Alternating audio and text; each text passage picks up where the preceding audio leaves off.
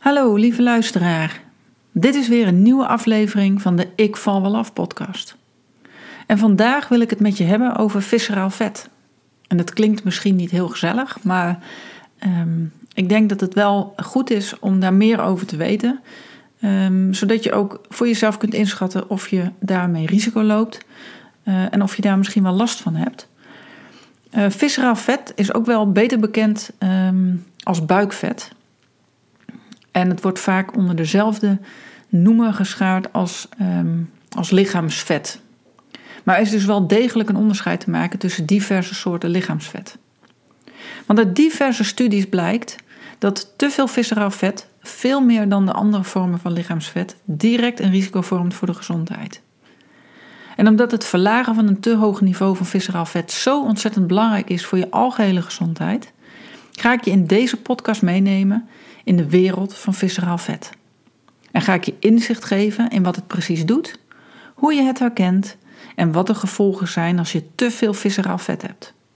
Maar ook hoe het ontstaat, zodat je gaat begrijpen hoe het komt dat de zeven tips die ik je ga geven in deze podcast om een teveel aan visceraal vet te verwijderen, je ook echt gaan helpen. En zeker als je deze tips gaat toepassen in combinatie met hypnose, zal je overtollig visceraal vet snel kwijt kunnen raken en geef je je gezondheid echt een flinke boost. Als je kijkt naar lichaamsvet, wat ik zojuist zei, dan zijn er drie uh, soorten lichaamsvet in, uh, in zijn algemeenheid. En dat is dus het visceraal vet. En daarmee wordt bedoeld het vet tussen de organen, ook wel buikvet genoemd, dus zoals ik net zei. En dat ligt dieper in de buikholte. Dan heb je het intramusculair vet, en dat is het vet opgeslagen in spieren. En dan heb je nog het subcutaan vet. En dat is het vet dat onder de huid ligt opgeslagen. En dat kun je vaak herkennen aan op het moment dat je uh, je broek dicht doet, zit net even wat krap. En dan het vet wat over je uh, broek heen valt, dat is dan het subcutaan vet, het onderhuidse vet noemen we dat ook wel. Een beetje visceraal is goed. Het is, het is nodig, omdat het ook als een soort van stootkussentje uh, voor je organen dient. Dus je moet altijd wel iets van visceraal vet hebben. Maar zodra het te veel wordt, dan gaat het een risico vormen voor je gezondheid. En weinig mensen zijn zich nog bewust van die risico's van visceraal vet. Ook omdat het lastiger te herkennen is dan onderhuidsvet, willen we graag geloven dat het er niet is. Want je ziet het niet, dus dan zal het er misschien ook wel niet zijn. Je ziet wel vaak die randjes, dat zie je wel. En dat is er dan wel, dus dat onderhuidse vet. Helaas tonen diverse wetenschappelijk onderzoek aan dat visceraal vet een grote bedreiging is voor de algehele gezondheid. Het risico op diabetes 2, hart- en vaatziekten en verschillende vormen van kanker wordt vergroot. Zo blijkt onder andere uit een studie uit 2006 dat er biologische en genetische verschillen zijn tussen visceraal vet en subcutaan vet. En daarnaast spelen ook andere anatomische factoren mee die bepalen in hoeverre visceraal vet een risico vormt voor je gezondheid. Maar onafhankelijk van leeftijd, mate van overgewicht of de hoeveelheid en subcutaan vet blijkt een teveel aan visceraal vet een verhoogd risico met zich mee te brengen om gezondheidsklachten te ontwikkelen. En ontkennen van het bestaan ervan is niet handig, want je neemt serieus risico met je gezondheid als je bij een teveel aan visceraal vet geen actie onderneemt om dat specifieke stukje lichaamsvet kwijt te raken. Hoe herken je visceraal vet eigenlijk? Als visceraal vet dieper in je buikholte zit en je het niet echt kan zien, um, ja, hoe herken je het dan? Nou, vaak als je echt te veel visceraal vet hebt, dan zie je dat omdat de massa van binnenuit je buikwand naar buiten duwt. Hierdoor zie je een typisch opgeblazen dikke buik, die misschien ook wat hard aanvoelt. Bij mannen eh, noemen we dit vaak bierbuik. En bij vrouwen uh, wordt het gezien als zo'n typisch appelfiguur, dus dunne benen, maar wel een dikke buik. En in beide gevallen zit er wel veel gewicht rond de middel in ieder geval. Bijna iedereen trouwens met overgewicht heeft te veel aan visceraal vet. Maar gewicht alleen zegt weinig over de mate waarin sprake is van visceraal vet.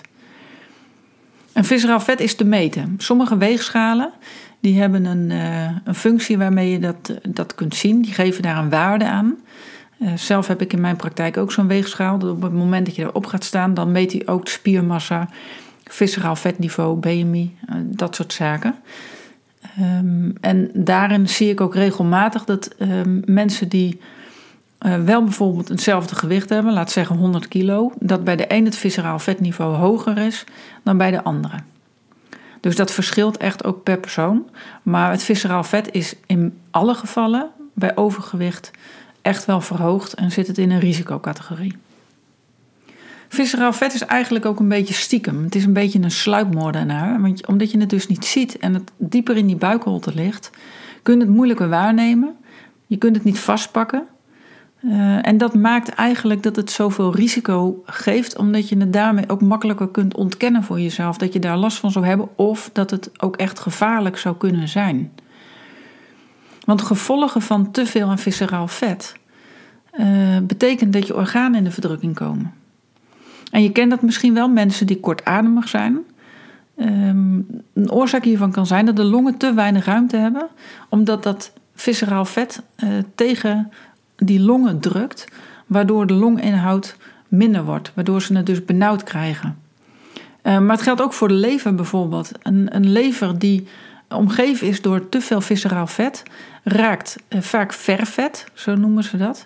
En dit heeft weer gevolgen voor de functie van de lever. En als je weet dat de lever een essentiële rol speelt bij het ontgiften en afvoeren van schadelijk vrije radicalen, dan kun je je misschien voorstellen wat het betekent voor je gezondheid als al die schadelijke stoffen niet meer afgevoerd worden, maar ophopen in je lichaam. Feitelijk zit je in een visueuze cirkel naar beneden, ehm, met als gevolg dat je energie daalt, mentaal wordt het zwaarder, slapen wordt lastiger. Je hebt zo diverse pijntjes, hoofdpijn. Nou, zo zijn er nog oneindig veel uh, klachten te noemen waar mensen last van hebben op het moment dat uh, de lever niet meer goed uh, functioneert. Hoe ontstaat visceraal vet eigenlijk? Want een lichaam is een complex samenstel van diverse factoren. En ik vind het eigenlijk nog steeds een wonder dat een mens zo kan functioneren zoals het doet. Want wat zitten al die lichaamsprocessen knap in elkaar? En zo is er dus ook geen eenduidig antwoord te geven op de vraag hoe visceraal vet ontstaat. Maar wat wel duidelijk uit de literatuur blijkt, is dat een aantal factoren grote invloed hebben hoe visceraal vet zich kan ontwikkelen. En de belangrijkste zijn hormonen, DNA, voedingsgewoontes en leefstijl. En voor deze podcast voert het nu te ver om uh, in te gaan op de hormonale processen die betrokken zijn bij het ontwikkelen van visceraal vet. Um, liever wil je natuurlijk voorkomen dat je visceraal vet ontwikkelt, of wil je een teveel, het liefst zo snel mogelijk weer kwijt. Uh, dus is het belangrijk te focussen op hoe je visceraal vet kwijt kunt raken. En dan komen we toch uit bij de voedingsgewoontes en leefstijl. Want hier ligt de oplossing om te zorgen dat je lichaam zich kan gaan ontdoen van visceraal vet. En in de toekomst dit niet meer aanmaakt in de hoeveelheden zoals het zich dat nu wel aan het, aan het doen is. Ja, ik had je aan het begin van deze podcast uh, tips beloofd. Ik heb uh, zeven tips voor je uh, om visceraal vet kwijt te raken. Um, je kunt er dus iets aan doen. Je hoeft het niet voor altijd te hebben. Als je het eenmaal hebt, dan wil dat niet zeggen dat je het voor altijd hebt. Um, en de eerste tip die ik voor je heb is: vervang slechte vetten voor goede vetten. En wat bedoel ik hiermee? Waarschijnlijk heb je wel eens gehoord van verzadigde en onverzadigde vetten. Verzadigde vetten hebben bij lichaamstemperatuur een veel stijvere consistentie dan onverzadigde vetten. Dit is onder andere een reden dat verzadigde vetten de kans op hart- en vaatziekten vergroot.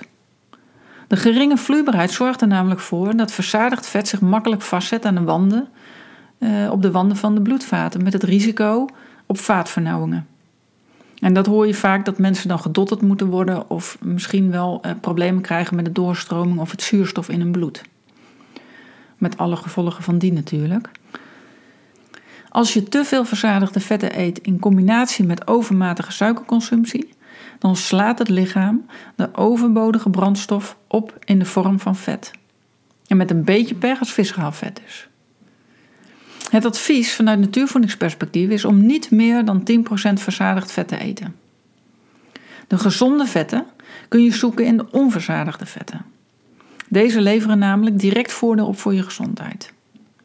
En dit kun je dan zien als dat het een grondstof is voor je hormonen. Eh, dat speelt een rol bij de opbouw van neurotransmitters. Het verbetert de verbranding van verzadigd vet en het is essentieel voor de opbouw en onderhoud van zenuwweefsel. Maar ook binnen de onverzadigde vetten is weer een onderscheid te maken. En misschien heb je wel eens gehoord eh, van uh, omega-3 en omega-6. Uh, omega-3 is bijvoorbeeld een, een, ja, een goede vet, een goede onverzadigde vet, die werkt ontstekingsremmend. Terwijl omega-6 juist weer ontstekingsbevorderend werkt. En ondanks dat omega-6 wel behoort tot de onverzadigde vetten, is het dus wel belangrijk om ook hier rekening mee te houden dat je de goede verhouding uh, gaat nemen. Als je er grofweg vanuit gaat dat je alle verzadigde vetten zoveel mogelijk laat staan, dus dat wil zeggen geen koekjes, snoepjes, chocolade, chips, etc. En je let ook op de verhouding van onverzadigde vetten, omega-3 en omega-6, dan zit je al vrij goed. Een optimale verhouding van omega-3 tot omega-6 is 1 staat tot 1. En dit laatste is misschien nog wel het lastigste te bereiken, want als je weet dat je in de huidige westerse voedingspatronen een verhouding van 1 tot 16 tot 1 tot 30 bijna normaal is, dan voel je misschien wel aan waar de huidige problematiek van te veel visceraal vet door ontstaat. In ieder geval kan je hier voor jezelf veel winst behalen op het moment dat je erop gaat letten en gaat zorgen voor andere, meer gezonde verhoudingen. Voorbeelden van gezonde omega-3 voeding is onder andere zalm, haring, makreel, anchovies. En nou hoor ik je misschien al denken, ik ben niet zo van de vis. Dat hoeft ook niet per se. Er is ook lijnzaadolie, daar zit het in. Uh, dat zou je bijvoorbeeld een beetje door de yoghurt kunnen roeren. Voor mannen is dit overigens minder geschikt in verband met de prostaat. Dan heb je ook nog hennepolie, walnoten, hazelnoten, avocado, groene bladgroenten. Dus er is eigenlijk, zijn er voldoende mogelijkheden uh, om die omega-3 binnen te krijgen. Um, en daar zou je dan ook uh, in de verhouding tot het, het, andere, en zeker de suikers, uh, goed rekening mee kunnen houden. Nou, een tweede tip die ik voor je heb is stop de suikerverslaving. En ik heb hier natuurlijk een, een mooie MP3 zelfhypnose sessie van die ook inspeelt op die behoefte aan suiker. Een bijna een verslavende gewoonte die je op onbewust niveau uh, zou moeten aanpakken om te zorgen dat je die vermindert en dus ook die behoefte aan suiker kunt stoppen. Want heel makkelijk zeggen: stop maar met die suikers, dat is gewoon bijna niet te doen, omdat er een soort van verslavende component achter zit. Je moet het ook zo zien um, dat je ook wel natuurlijk ergens suiker nodig hebt. Alleen niet die lege calorieën zoals wij die vaak zien met snoep, chocola, koekjes je kunt het zien als dat um, een lichaam brandstof nodig heeft om te kunnen functioneren. En bij een auto is dat bijvoorbeeld brandstof of diesel. Uh, en zodra de tank vol zit, dan stopt het vulproces. En feitelijk heeft een mens hetzelfde mechanisme. Je eet en zodra je vol zit, geven hormonen, daar heb je ze weer, het zijn aan de hersenen dat zorgt dat er een voldaan gevoel ontstaat, met als gevolg dat je stopt met eten. Helaas is dit proces bij veel mensen echt verstoord en voelen ze niet meer wanneer ze voldaan zijn. Wat betekent dat ze dooreten terwijl de tank al lang gevuld is. En vaak eten we dan ook nog voeding waar veel suikers in zitten. En je kunt je voorstellen dat al die overbodige brandstoffen afgevoerd moeten worden, maar helaas gaat dat proces niet goed in combinatie met te veel verzadigde vetten. En dat zorgt voor omzetting naar visceraal vet. Nou, dan krijg je weer eh, die relatie met die lever die niet meer goed functioneert. En dan zit je dus echt uh, dat je voor jezelf problemen aan het creëren bent. Vermijd dus zoveel mogelijk snoep, koek, frisdrank, vruchtensap, chips, chocolade en al het andere ongezonde waarvan jij al wel weet wat ik daarmee bedoel. Gelukkig biedt hypnose hier dus wel een belangrijke hulp, want daarmee kun je die automatische patronen goed doorbreken, zodat er betere en gezondere gewoontes voor in de plaats komen. En daar kan je vandaag nog mee beginnen. Dan de derde tip. Los visceraal vet op met vezels. En je hoort het wel vaker zeggen: vezels zijn goed voor je. Je darmen zijn er blij mee, maar je organen ook. Want uit onderzoek is gebleken dat vezels een grote bijdrage kunnen leveren aan het verwijderen van visceraal vet. En dat is iets wat nog niet heel erg bekend is bij veel mensen. Vezels zijn een voedingsbodem voor de goede bacteriën, voor de goede darmbacteriën. Ze stimuleren de darmen en zorgen dat het uitscheidingsproces soepel verloopt. Als je te weinig vezels eet, zal het voedsel langer dan noodzakelijk in je darmen blijven, waardoor het darmkanaal kan verstoppen. En deze verstopping leidt ertoe dat het voedsel gaat rotten en giftige afvalstoffen niet uitgescheiden worden. maar in ons lichaam gaan circuleren. Met als gevolg dat visceraal vet makkelijker kan ontstaan. Ehm, je kunt dat ook wel zien als een opgeblazen gevoel of dat je uh, veel last hebt van rommelende darmen. Dan weet je eigenlijk dat er iets niet helemaal goed gaat in het proces. Uh, en dat het eh, goed zou zijn als je meer vezels gaat eten. Vezels hebben nog een andere mooie eigenschap. En dat is dat je sneller een verzadigd gevoel krijgt, waardoor je makkelijker kunt stoppen met eten. Waar vind je zo onder andere oplos, oplosbare vezels? Want dat is ook nog belangrijk dat je geen vezels eet die niet goed oplosbaar zijn. Maar goed oplosbare vezels die vind je in een avocado, in appels, abrikozen, spruitjes, havermout, linzen, eh, noem maar op. Heb je regelmatig last van een opgeblazen gevoel? Dan kan dat echt een signaal zijn dat je te weinig vezels eet. En dan is het belangrijk dat je daarop gaat letten om je gezondheid te verbeteren.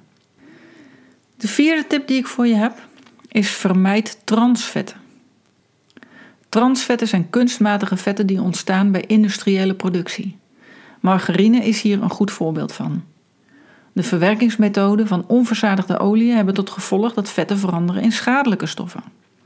En dit soort processen van bijvoorbeeld hydrogeneren, raffineren en deodoriseren zijn bedoeld om bijvoorbeeld de smeerbaarheid te verbeteren, of de smaak, of de kleur. En het gevolg van dit soort processen is dat een deel van de vetzuren wijzigt in uiterst giftige moleculen.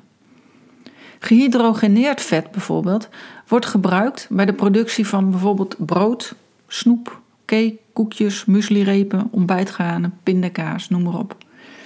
Ongemerkt zit dit in heel veel producten waarmee jij de opslag van visceraal vet bevordert. Net als verzadigd vet heeft transvet een negatieve invloed op je gezondheid, zoals ze zijn kankerverwekkend door de carcinogene stof benopyreen. Ze dragen bij aan hart- en vaatziekten, ze verlagen de weerstand, ze verhogen de bloedsuikerwaarde en hinderen het ontgiftingsproces van de lever. En misschien nog goed om te weten: van nature komen in vlees- en zuivelproducten kleine hoeveelheden transvet voor. Maar deze natuurlijke transvetten die hebben dan weer geen negatieve invloed op onze gezondheid. Dan tip nummer 5. Minder koolhydraten, meer eiwitten. In ons westerse voedingspatroon zijn eiwitten vaak vervangen door koolhydraten. We eten vaak pasta, friet, een andere zetmeel en suikerrijke voedingsmiddelen. Het nadeel van al die koolhydraten is dat de bloedsuikerspiegel gaat schommelen, wat weer invloed heeft op de hormoonhuishouding en de wijze waarop het eten verteerd wordt. Het overstappen naar meer eiwitrijk voedsel, zoals groenten en vlees of kip, is vaak niet makkelijk. De vaak wat bittere smaak van groente is nu eenmaal minder populair dan de vollere en vettere smaken van bijvoorbeeld pasta of friet. Studie heeft uitgewezen dat meer eiwitten goed werken om het niveau van visceraal vet te verlagen. Op het moment dat je ervoor gaat kiezen om minder koolhydraten te eten, zal de verhouding koolhydraten versus eiwitten al snel verbeteren. En dergelijke kleine veranderingen kunnen al gunstig zijn om visceraal vet te gaan verwijderen. Maar weet dat je uiteindelijk ook aan die nieuwe smaken gaat wennen. En misschien eh, herken je dat wel, dat je misschien ooit koffie of thee hebt gedronken met suiker. Op een gegeven moment stop je daarmee. Dat is een langzaam proces, steeds minder. En op een gegeven moment, als je dan na een tijdje um, bijvoorbeeld koffie of thee zonder suiker drinkt en je zou dan een schep suiker erin doen, dan vind je dat echt vies. Dan is dat veel te zoet. En zo werkt het ook met andere smaken. Je gaat echt wennen aan nieuwe smaken.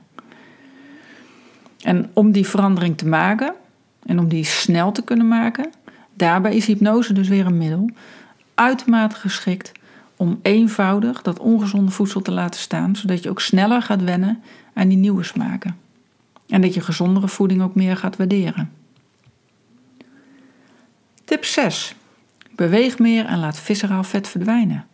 Want naast voeding is beweging ook een belangrijke factor om visceraal vet te verwijderen. Een combinatie van beide gaat je gezondheid echt een flinke boost geven. En afhankelijk van je activiteiten gedurende de dag heb je een bepaalde energiebehoefte. Maar wat we vaak vergeten is dat ook tijdens slaap en volledige rust energie verbruikt wordt. Het energieverbruik wordt grofweg bepaald door de volgende factoren. Het basaal metabolisme, ongeveer 60 tot 70 procent van de energie die vrijkomt door voeding, wordt gebruikt door het basaal metabolisme. Dat betekent dus, um, dat zorgt ervoor dat je hart uh, blijft kloppen, je bloed stroomt, je hersenen en andere organen blijven functioneren. Daar is 60 tot 70 procent van de energie voor nodig die vrijkomt door voeding. De stofwisseling, 10 tot 15 procent wordt gebruikt door de spijsvertering. Ofwel, de goede voedingsstoffen worden opgenomen en de schadelijke voedingsstoffen worden afgevoerd. Daar is dus 10 tot 15 procent voor nodig van de energie die vrijkomt door voeding. Dan heb je nog lichamelijke activiteit. En dat is 8 tot 20 procent wordt gebruikt door spieren. Uh, voor alle lichamelijke activiteiten zoals wandelen, fietsen, sporten, noem alles maar op. En 8 procent uh, is dan op het moment dat je heel weinig en uh, vrij inactief bent, dus veel op de bank zit, een kantoorbaan hebt waar je veel zit. En 20 procent kun je zien bij mensen die heel actief de hele dag bezig zijn, staan, sporters, dat soort activiteiten.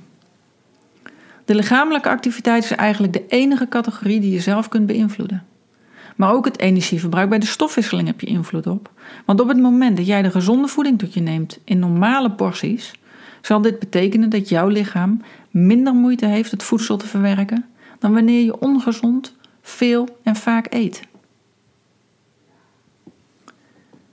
Als je meer eet dan je lichaam nodig heeft, dan ontstaat er een energieoverschot. En dit wordt vaak omgezet naar vet.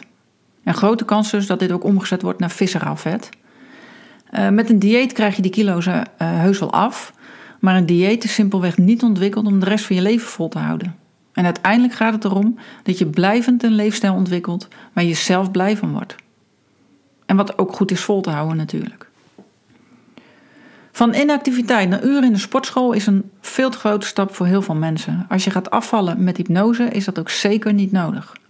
Als je te maken hebt met veel overgewicht en visceraal vet, zijn er vaak lichamelijke klachten die te fanatiek bewegen in eerste instantie in de weg staan. Bedenk ook dat je beter dagelijks een half uurtje kunt bewegen door een wandeling te maken of te fietsen, dan dat je twee keer in de week een uur losgaat in de sportschool. Tips om je activiteit te verhogen en daarmee je visceraal vet te verwijderen zijn bijvoorbeeld: ga een half uur per dag wandelen of fietsen. En als je een telefoongesprek voert, ga dan rondlopen in plaats van op de bank zitten. De lunchpauze is bijvoorbeeld een prima moment om even de benen te strekken. En neem de trap in plaats van de lift. Als je bijvoorbeeld met de bus gaat, dan kun je een halte eerder uitstappen en loop je het laatste stuk. En zo zijn er heel wat creatieve manieren te bedenken waardoor je met kleine veranderingen en aanpassingen je energieverbruik kunt verhogen. En waarmee jij dus een begin kan maken met het verwijderen van visceraal vet. Tip 7. Ontspan en visceraal vet verdwijnt. Dat klinkt op zich wel raar, want wat heeft stress te maken met vet? Stress zorgt echt voor veel narigheid. Diverse lichaamsprocessen hebben hieronder te lijden en ik denk dat we dat vaak echt onderschatten. Um, stress zorgt ervoor dat die lichaamsprocessen verstoord worden, waardoor ze niet meer goed functioneren. En het risico dat visceraal vet opgeslagen wordt, is dan nog groter. Verminderen van stress is daarmee dus echt belangrijk, niet alleen voor je mentale gesteldheid, maar zeker ook voor je lichamelijke conditie. Om relaxed door het leven te kunnen gaan, heb ik ook wat tips voor je. Gun jezelf dagelijks dat half uurtje tijd voor jezelf. Zo heb ik bijvoorbeeld die zelfhypnose sessie Stop de suikerverslaving. Nou, je slaat twee vliegen in één klap, want je gaat en ontspannen en uh, je behoefte aan suikers wordt minder. Een andere tip is een wandeling in de buitenlucht maken. Dat helpt dan weer om het hormoon cortisol te verlagen. Het maakt je hoofd leeg en ondertussen draagt het bij aan het verminderen van visceraal vet. Zorg voor een goede nachtrust. Slaap heeft een enorme invloed op je hormonale stofwisseling en een goede stofwisseling zorgt weer voor een goede spijsvertering. En als het dan om visceraal vet gaat, wijst onderzoek bijvoorbeeld uit dat het belangrijk is om niet minder dan 6 uur te slapen en ook niet meer dan 9 uur per nacht. Dan is het natuurlijk belangrijk om gezond te eten, want te veel, te vaak en ongezond eten geeft onrust en een onbehagelijk gevoel. Het heeft invloed op je stemming en daarmee op je stressniveau. En dan nog een andere tip is: stel dat je heel veel koffie drinkt, vervang dat eens wat vaker door thee. Koffie heeft invloed op je bloedsuikerspiegel en geeft daarmee ook weer een bepaalde stress voor je lichaam. Nou, dan ben ik aan het einde gekomen van deze podcast. En op het moment dat jij de tips die ik heb gegeven in deze podcast gaat toepassen, dan weet ik zeker dat jij visceraal vet de baas wordt. En er is veel voorbij gekomen, dus je kunt het ook nog luisteren. Je kunt ook teruglezen uh, op mijn website in de blog. Ik heb er uh, een blog over geschreven waarin ik al deze zaken die ik nu in deze podcast besproken heb, die staan ook in die blog. Dus die kun je er altijd nog bij pakken als het allemaal wat snel is gegaan. En bedenk bij iedere actie die je neemt dat het kan bijdragen aan het verminderen van visceraal vet. En een laatste tip is om te beginnen met één of twee veranderingen en die goed te integreren in je systeem. Want als je te veel dingen tegelijk gaat doen, dan kom je op een punt dat je denkt: het, ik overzie het niet meer. En dan zodra je één puntje loslaat, gaat alles om. Dus alles tegelijk gaat een te grote druk op je leggen en dat ga je op lange termijn gewoon niet volhouden. Wil je de verandering sneller tot stand brengen, overweeg dan het toepassen van hypnose. Het is een uitermate krachtig middel om je onbewuste in de juiste stand te zetten, zodat het je gaat helpen om nog sneller die verandering te maken. En om te weten of dit iets voor je is, kun je dit tijdelijk tegen zeer lage kosten zelf proberen. Met de zelfhypnose sessie Stop de suikerverslaving. En daar vind je op mijn website ikvalwelaf.nl meer informatie over. En als je een paar pakken koek of snoep minder kookt, heb je die kosten er al uit. En jouw lichaam en gezondheid zul je er dankbaar voor zijn. Ik ben nu gekomen aan het einde van deze podcast en ik wil jou een hele fijne dag wensen. En dan eh, spreek ik je snel in de volgende podcast. Dag.